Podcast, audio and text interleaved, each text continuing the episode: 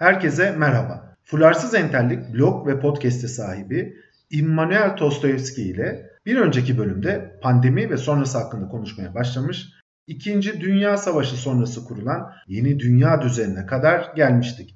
Buradan devam edeceğiz. Yeni dünya düzeninin değişimini, serbest ticaretten izolasyon politikalarına geçişi, yankı kümeleri ve küresel şarlatanları ve aklımıza gelen daha birçok konuyu değerlendireceğiz.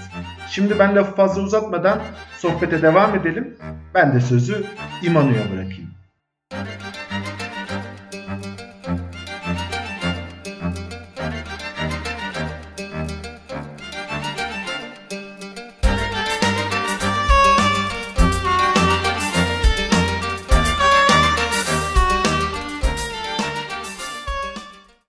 Şimdi Sovyetler gittikten sonra şöyle bir durum oldu.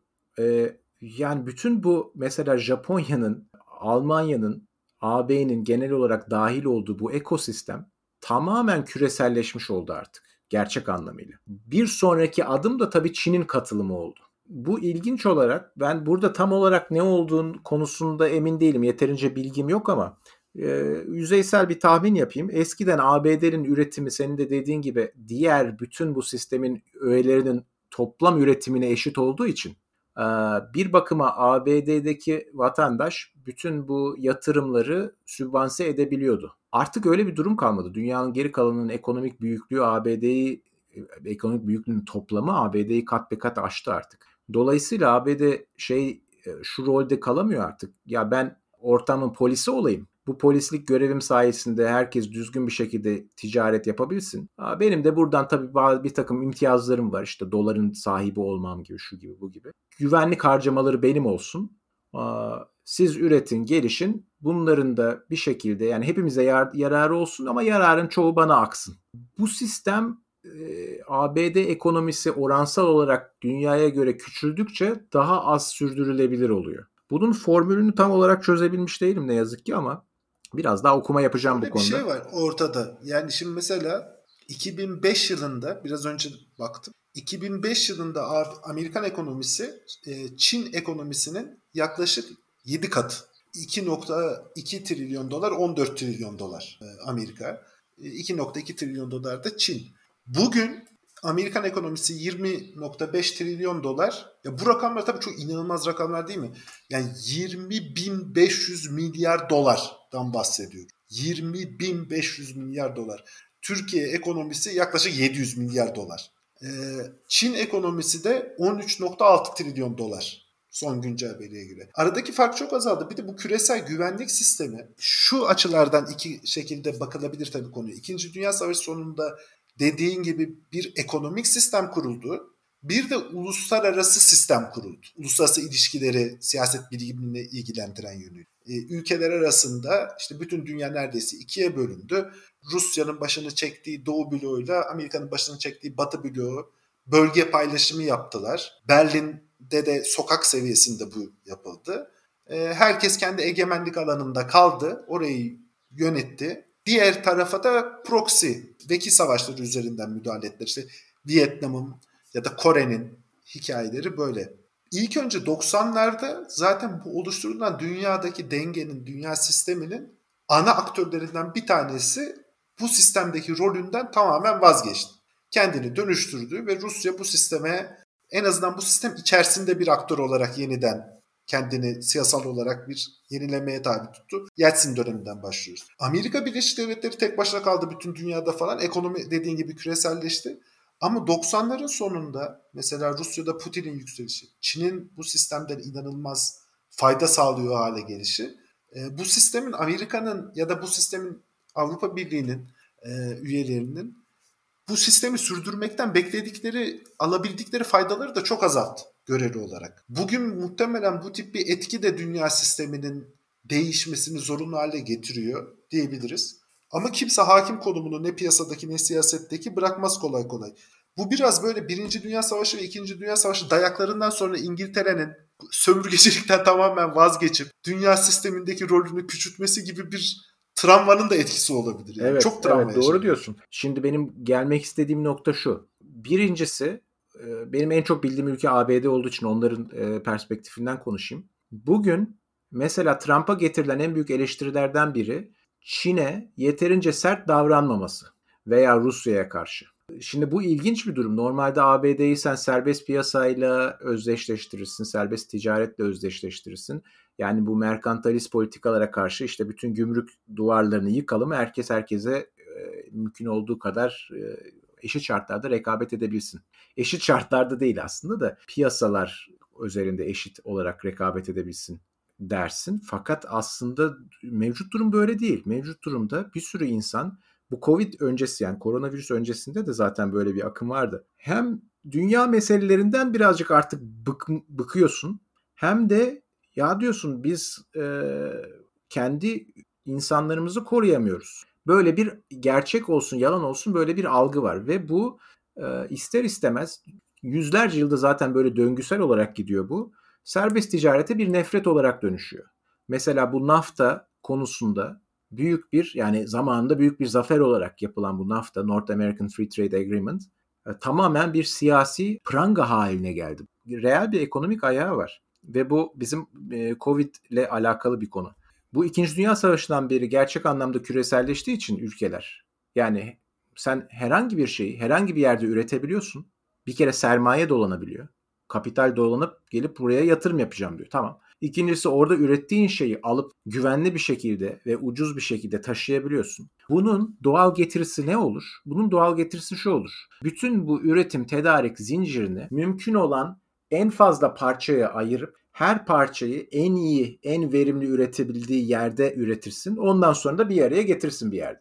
Yani bugün e, işte elimde tükenmez kalem var. Bu tükenmez kalemdeki parçaların belki %90'ı 50 tane ayrı ülkeden geliyor. Kim bilir. Covid'in acil olarak bize gösterdiği şey şu oldu. Bir kere sağlık alanında e, böyle bir şeyin bu kadar büyük bir yayılmanın bir ulusal güvenlik meselesi olduğunu anlattı. Yani sen kendi maskeni üretemiyorsan, kendi aşını falan geçtim. Respiratörünü, mas maskeni üretemiyorsan, gidip Çin'deki ham maddesine falan bağlıysan o zaman e, sen bağımsız değilsin. Yani çok temel bir seviyede. Dün bir İngiliz iktisatçı, bir Amerikalı, bir İtalyan e, ekonomist, üçü de birbirinden çok meşhur adamlar ama konuşmasında dedi ki İngiliz, şu an dedi İngiltere'nin dedi sanayi kapasitesi elbette maske üretmeye müsait, çok uygun. Fakat İngiltere'de maske üretmek için gereken ham madde bakımından %90 oranında tek bir ülkeye bağlıymış. Hindistan. Eğer senin herhangi bir üründe üretimi için diğer bir ülkeye %90 oranında kaynak olarak bağlıysan bu ekonomik çerçevede en azından 3 şeyi söyleyemeyiz yani. Bir, e, sen esasında dünyadan zannettiğin kadar uzak değilsin. Dünyadaki bütün gelişmeler seni çok etkiliyor ve çok bağlısın. İki, hiçbir ülke artık tek başına sadece kendi dinamiklerini düşünerek sadece kendi dinamikleri üzerine, kendi kap- sanayi kapasitesi üzerine hareket edemez. Üç, Buna ben ufak bir şey ekliyorum. Hiçbir ülkede böyle yalıtılmış bir ada olmayı artık hayal edemez. O noktayı çok geçti. Türkiye'deki üretim Çin'deki üretime bağlı. Çin'deki belli alanlarda ham madde üretimine, belli alanlarda da mamul üretimine, sanayi malzemesi üretimi. Türkiye'deki üretime de Almanya bağlı. Çünkü biz burada bazı parçaları Almanya'da çok uzun bir süre daha üretemeyecekleri kadar ucuz ve eşit hemen hemen aynı kalitede üretebiliyoruz. Almanya'daki üretime de dünyadaki birçok sanayi bağlı. Çünkü gerçekten Alman sanayi işte makineleri, fabrikalar için gereken falan istisnai makineler, istisnai özelliklere sahip. Bu kadar birbiriyle iç içe girmiş ve birbirine bağlı bir dünyada e, radikal bir şekilde kendini dünyadan soyutlayacak ya da dünya düzeninden çekebilecek bir şey yapmak işte da çok bu, zor. E, burada ilginç bir paradoks var. Bunu iyi anlamak lazım. Şimdi sen ne kadar dünyayla entegre oldukça o kadar bu süreçlerden yabancılaşmış oluyorsun. Yani kullandığın hiçbir şeyin artık nereden geldiğini, ne süreçlerden geçtiğini anlamıyorsun. Bu da ilginç bir şekilde seni aslında dışarıya ne kadar bağlı yani eskisin eskiden mesela ben dışarıya işte 10 birim bağlı olduğumu düşünüyorsam şimdi 5 birim bağlı olduğumu, 2 birim bağlı olduğumu düşünüyorum. Halbuki gerçekte o bağımlılığım çok daha fazla artıyor. Bu da zaten siyasi alanda siyasi arenada bir içe dönme hareketine tetikliyor. E, bunun da çok basit bir günlük nedeni var. Yani sen bütün manüfaktür işlerini, üretim işlerini sağa sola kaybediyorsun gelişmiş ülkelerdeki bir insan olarak. Yani insanlar kalkıp da ekonomik e, istatistikleri böyle en ince ayrıntısına kadar inceleyip ondan sonra ya biz bu işte ticaret yüzünden ne kadar verim kazanıyoruz falan demiyorlar. Manifaktürün şöyle bir önemi var. Çok fazla sayıda düşük ya da orta eğitime sahip yani az derecede e, eğitim görmüş ama mesleki yeteneği, mesleki eğitimi yüksek çok sayıda insanı belli bir gelir skalasında istihdam edebiliyorsun. Evet. İmalat sektöründe çalışan bir insan örneğin mevsimlik tarım işçilerinden çok ötesinde güvenli, özlük haklarına sahip yüksek maaş alabiliyor. Ve bunun için örneğin bir master ya da doçent yapacak kadar hayatın 16, 17, 18 senesini vermesi de gerekmiyor. Manifaktürü sen kaybettiğin zaman başka bir ülkeye ortada daha düşük bir işe giremeyecek, daha yüksek bir işe sıçramak için de çok uzun süre eğitim alması gereken işsiz bir insan topluluğuyla karşı karşıya geliyorsun. Bu çok e, sosyolojik dengeyi bozan evet, bir durum. Çok doğru tespit. Yani o, o insanlar ha ben yeniden eğitileyim, bu yeni iş gücüne yani o kaybolan işler yerine yaratılan yeni işlere adapte olayım diyecek insanlar değiller. Zaten bu herkes için zor bir şey. Yeniden eğitilmek kolay bir şey değil de hani ben bugün mesela öğretmenlik işimi kaybetsem işte bilgisayar mühendisliği yapabilirim. Hani onu onu kaybetsem başka bir şey elektronik mühendisliği yapabilirim. Onu kaybetsem ne bileyim özel İngilizce ders verebilirim filan. Sonuçta belli bir esneklik sağlayacak altyapım var. Çünkü toplum bana çok fazla yatırım yapmış eğitim için. Şimdi hayatının 30 yılını bir imalathanede geçirmiş bir usta o işi süper yapıyor ama başka bir işi yapmıyor. Kodur olamaz bir anda değil mi 5 günde? 5 yani. günde olamaz 5 senede de olamaz yani 5 senede olur gerçi de. 50 yaşında bir insan için o da çok zor. Çok zor evet. Şimdi bu bu tip e, yani hem o işini kaybediyorsun hem de dediğin senin dediğin gibi yeni işlere geçemiyorsun. Bu insanların çok kolay görebildiği bir şey. Küreselleşme yüzünden kaybolan her iş küreselleşmenin eksi hanesine yazılıyor. Her her her imalat işi. Ama küreselleşmenin getirdiği yararlar işte bir şeyi daha ucuza alabilmen artık. Çünkü çok daha verimli bir şekilde üretiliyor parçaları. Bu yararlar biraz daha az görülür oluyor. E, daha doğrusu terazinde o kadar etkili olmuyorlar. Her gün bundan yarar görüyorsun gerçi yani. Her gün süpermarkete gidince çok daha ucuza yemek yiyorsun falan da ama e, çevrende bir tane iş eksilse Çin'e gitti işte yok fabrika Meksika'ya taşındı falan diye o, o senin ailende o hikaye yayılmış oluyor ve küreselleşmeye karşı bir tepki doğuruyor. Şimdi bu zaten süre gelen bir şeydi işte demin bahsettiğimiz NAFTA karşıtlığı, TPP karşıtlığı hep bunların bir ürünü. Zaten Trump'ın da seçilmesinin çok önemli bir kısmı buydu. İşte bu manüfaktür yani imalat sanayinin ağır bir şekilde darbe aldığı yerler tam da kritik seçim bölgeleri olduğu için onları kazandı. Ama yani bu Trump'la sınırlı bir şey değil. Küresel bir sorun zaten. Şimdi e, Covid'in değişimi şu oldu getirdiği değişim. Millet dedi ki ulan e, bizim en önemli endüstrilerimiz bile 50 ülkeye dağılmış vaziyette veya daha kötüsü tek bir ülkeye dağılmış vaziyette. Yani ikisi de kötü ama tek bir ülkeye ham maddelerini şunun bunun bağlanması iyice kötü. Biz tıp sektöründen başlayarak diğer artık önceden stratejik olarak görmediğimiz ama stratejik olarak artık görmemiz gereken birçok sektördeki üretim, tedarik zincirlerini e, kısaltmamız lazım. Hepsini belki kendi ülkemizde toplayamayabiliriz. Sonuçta ABD kıta gibi bir ülke. Onlar toplarlar. Know-how var, sermaye var, iş gücü var, her şey var doğal kaynak. Çin toplar, Rusya toplar. Başka kim ne yapacak? Yani Bolivya'nın toplayacak hali yok bunları. Ama en azından kısaltabilirler. Şimdiki e, önümüzdeki birkaç senelik trend bu yönde. Şimdi burada da ilginç bir tahminim var benim. Dediğim gibi ben hem finans gelişmelerine bakarak hem de bu ekonomik potansiyele bakarak ABD'nin büyük bir kazanan olacağını düşünüyorum bu süreç sonunda. Yani bunun çok emin değilim. Tahmini olarak söylüyorum. Bunun da e, sebebi şu. Bir kere herkes zaten yatırımcılar da böyle düşündüğü için piyasanın aklı da böyle şu anda işlediği için bu kriz boyunca herkes ABD dolarına hücum etti. Altının düşüp de ABD dolarının yükseldiği bir kriz oldu bu. Altın sonradan geri yükseldi de çok değil. Bitcoin düştü mesela %40 mı ne değer kaybetti. Saçma bir değer kaybetti. O da biraz toparladı sonra. Rusya ruble sanırım %25 değer kaybetti. Son rakamlara bakmadım. Ama her bütün para birimleri ve normalde safe haven olarak görülen altın gibi yani herkes düşerken yükselecek şeylerdir safe haven'lar. Veya korelasyonu düşük olan e, olarak görülen kripto currency gibi. Yani kripto currency'nin değerini azaltan veya arttıran şeyler dünyadaki olan bitenle alakalı diğer şeylerle alakalı değil.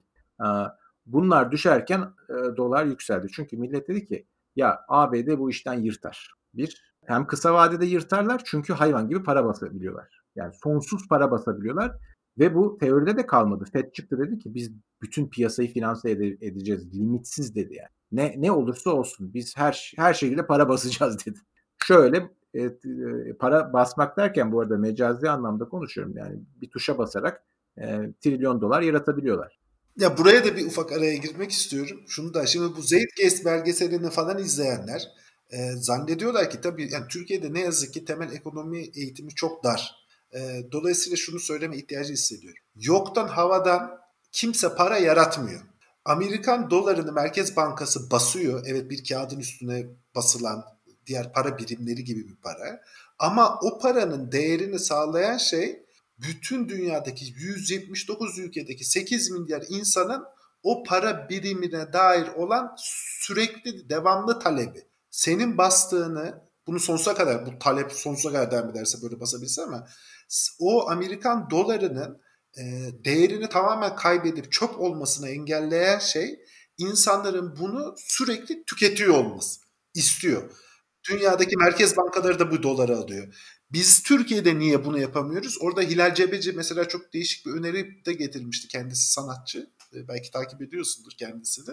E, ya eğer bütün işler Amerikan doları basılarak çözülüyorsa biz niye Amerikan doları basıp satmıyoruz demişti kadıncağız. Ya onun nedeni şu, Amerikan bizim merkez bankamız dolar basamıyor. Bizim merkez bankamız sonsuz sayıda TL de basabilir.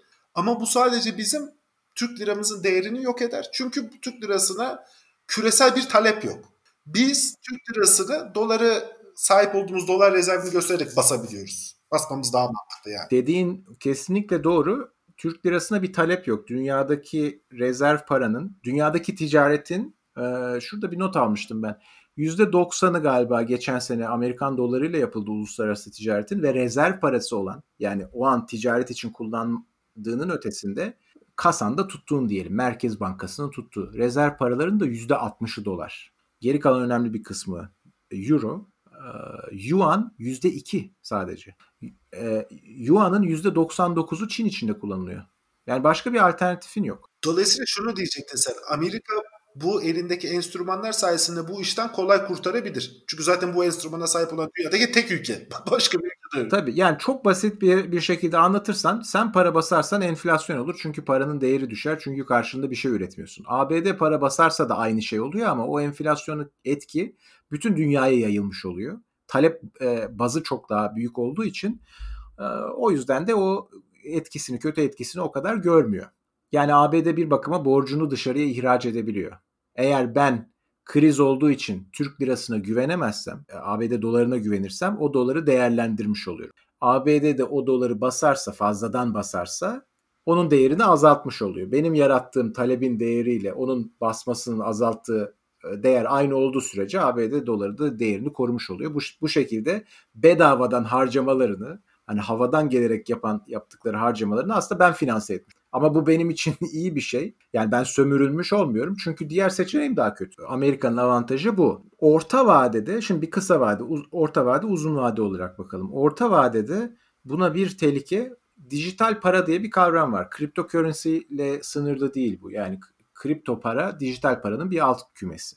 Şimdi Çin mesela bir süredir bir dijital para yaratma ve dijital parayla ticaret yapma üstüne e, bir projesi var. Bunu istiyorlar. Çünkü normalde Çinli bir üretici veya e, tabii Çinli bir üretici diyelim yabancı bir firmayla anlaşma yaptığı zaman bunlar dolar üstünden anlaşma yapılıyor. Diyor ki 6 ay sonra bir işte bir fiyat veriyor. E o doların artması, azalması, şu su bu su bir kere dolar tedarik etmen lazım. İkincisi de doların artıp art, azalması için de o kontratında bir bir takım önlemler alman lazım. E, Çin şimdi şöyle bir sistem bir şey yapıyor. Biz doları aradan çıkaralım. Elektronik olarak bu işi halledelim. Hatta blockchain teknolojisi kullanalım. Yani ödemelerin e, gerçekten gerçekleşip gerçekleşmediğini e, tespit eden bir merkezi hükümet kurmak yerine, bir merkezi kurum kurmak yerine blockchain teknolojisiyle bu etrafa yayılmış olsun. Ve ödemelerde yuan üstünden olsun. Yuan denominasyonuyla olsun yani. Her şeyde elektronik olsun. Şimdi bu gayet olabilir bir durum ve e, Covid bu süreci birazcık hızlandırdı. Çok ilkel bir düzeyde yorumlarsak şöyle diyebiliriz. Bir kere en basitinden nakit para bir virüs taşıyıcısı. Nakit para kullanmamak lazım. İnsanlar zaten e, dijital paraya, sanal paraya e, şey yapıyorlar, gidiyorlar. O tip çözümler yatırım alıyor. İkincisi de stratejik olarak zaten hali hazırda Amerikan dolarına karşı Çin'in bir bir şekilde alternatif çözüm üretme isteği vardı. Ee, eğer kritik eşiği aşar, aşarlarsa kendi ticaretlerini bu şekilde yapabilirler ve bu da yayılabilir. Ama bunlar işin finans kısmı, e, monetary kısmı, e, parasal kısmı. Ee, asıl uzun vadede, şimdi üçüncü aşamaya geldik. Uzun vadede ABD'deki avantajı şöyle yorumluyorum ben. Şimdi ABD kendi kaybettiği bu bütün üretim işlerini offshore, e, outsource ettiği üretim işlerini kolay bir şekilde kendi bünyesinde toplayabilir. Yani eskiden bu kaybolan üretimin yerine hizmet sektörü büyüyordu. Çünkü diyordu ki yani ben üretimi tamam artık Apple telefonlarını Çin'de üretiyorum ama Apple'ın işletim sistemini burada üretiyorum. Telefonu 50 dolara üretiyorum. İşletim sistemine 500 dolar fiyat biçiyorum yani. Ben hali hazırda avantajlıyım. İşte onu tabii içinde hukuki harcamaları var, hukuki hizmetler, e, pazarlama hizmetleri bunların hepsi hizmet sektörü içindeler. E, asıl parayı ben bunlardan kazanıyorum. Yani ya veya ekonomi bunlar üstünden dönüyor. O yüzden de pek eksikliğini çekmiyordu ama şu anda işte bu stratejik e, şey sayesinde ne denir bu, bu, bu stratejik endişeler yüzünden bu üretimi kendi ülkesine gayet rahat çekebilir. Çünkü diğer ülkelerde olmayan birkaç avantajı var. Bu avantajlardan en önemlisi nüfus. Biz Türkiye'de bunun muhabbetini yapmıyoruz çünkü Türkiye zaten genç ve işsizler ordusu. Ama birçok ülkede böyle bir e, kaynak yok. Birçok ülkede yaşlı yaşlanıyor insanlar. ABD de dahil bu arada. ABD'yi kurtaran şey çok fazla göç alıyor. Legal ve illegal.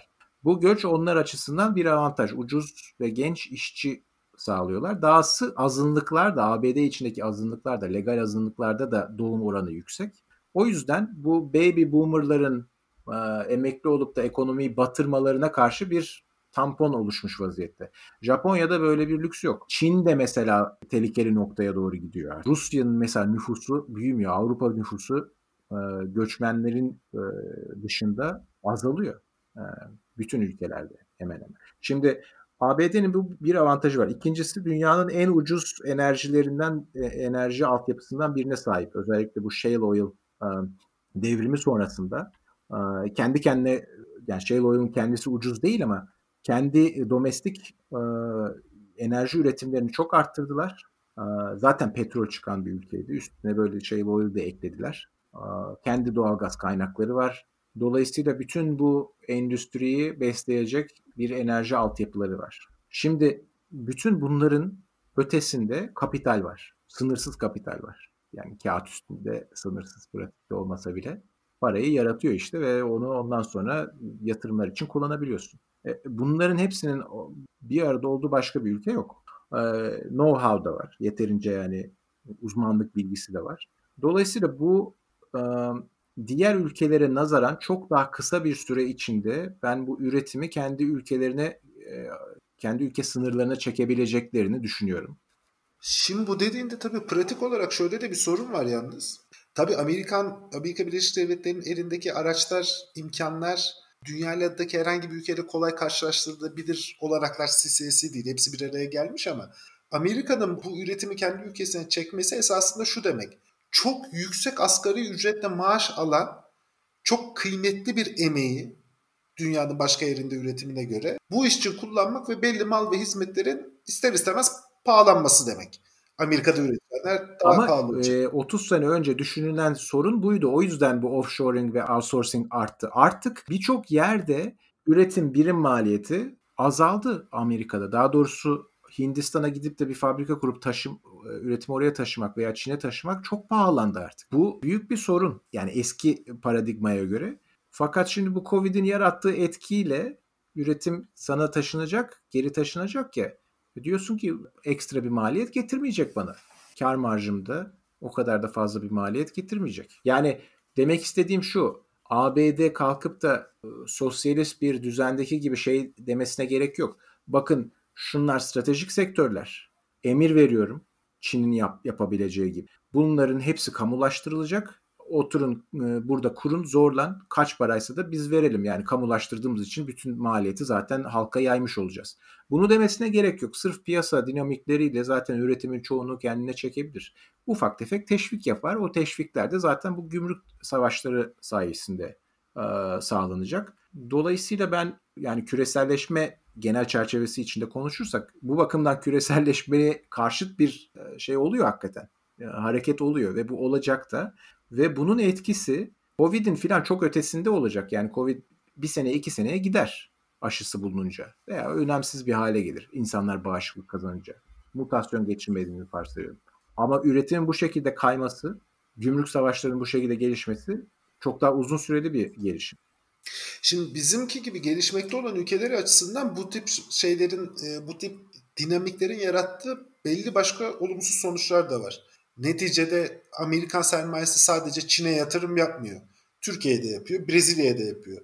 Belli ürünler sadece Çin'de üretilmiyor. Türkiye'de de üretilen belli ürünler. Gerçi Türkiye ile Amerika Birleşik Devletleri'nin dış ticaret hacmi ölçeğe göre çok küçük ama bu işin Avrupa'ya yansıması ve bizim en önemli ticaret partnerimiz de Avrupa bizi de çok etkileyecek. Şimdi bizim gibi öz kaynakları yetersiz, tasarrufları yetersiz. Büyümek, kalkınmak için biz genel olarak dış yatırıma muhtaç olan bir ülkeyiz. Dış yatırıma muhtaç olan ülkelerde stok işsizlik rakamları çok yükselecek. Bugün biz zaten %13.8'deyiz. Beklenen %20'nin çok ötesine çıkmak %30 seviyesinde yaklaşık Türkiye'de 10 milyon insanın işsiz olacağı hesaplanıyor. Bu tip stok işsizliği azaltmak da çok ciddi bir sorun olacak. Stok işsizliği azaltmaktan kastım şu üretim yapacaksın ki azalacak bu stok işsizlik.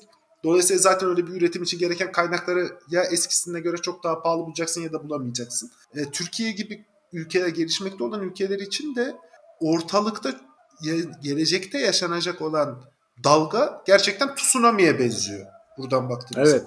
Ee, şöyle bir sorun var. Yalnız bu tip içe dönük, izolasyoncu, ya izolasyondan kastım şu işte serbest ticaret karşıtı, kendi ülkemiz içerisinde bu işlerin hepsini üretelim bunlar dünya tarihinde ilk kez duyulmuş şeyler değiller. Değil tabii. Dediğim gibi hep böyle döngü şeklinde, git gel şeklinde oluyor zaten bunlar. Bu tip dönemlerde e, ister istemez milliyetçilik de çok artıyor e, birlikte, kendisiyle birlikte. Ve bu dönemlerin sonu hiç iyi bitmiyor. e, bu çatışmalar da Napolyon Savaşları 30-48 işte belli ülkelerde milliyetçilik işte şeyinin artması bizi 1914 14'e götürdü. Sonra yaşanan durum 45'e geldik şöyle bir sorun var.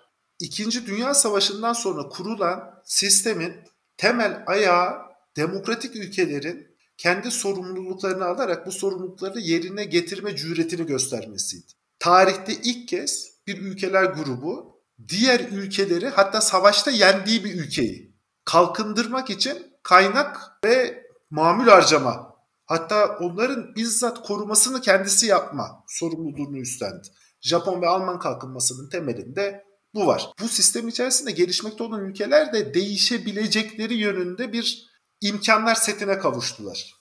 Şimdi bu ülkeler kapanırlarsa merkez ülkeler gelişmekte olan ülkeler açısından durum çok kötü olacağı gibi e, ortaya çıkacak çatışmayı da engelleyecek bir dinamik kalmıyor. Bu sebeplerle Harari dünyanın bugün temel ihtiyacı diyor işte virüse karşı aşı değil bunu bulabiliriz. Daha fazla bilim adamı bunu çıkartabiliriz. Daha fazla doktor, hastane, sağlık elemanı hepsini yapabilecek küresel kaynaklara sahibiz. Dünyanın bugün temel yoksun kaldığı şey küresel liderlik yapabilecek demokratik bir yönetim. İşte ben Harari'nin o yazılarını okudum. Ee, pek de yani biraz karışık duygularım var o işin o, o, o konuda.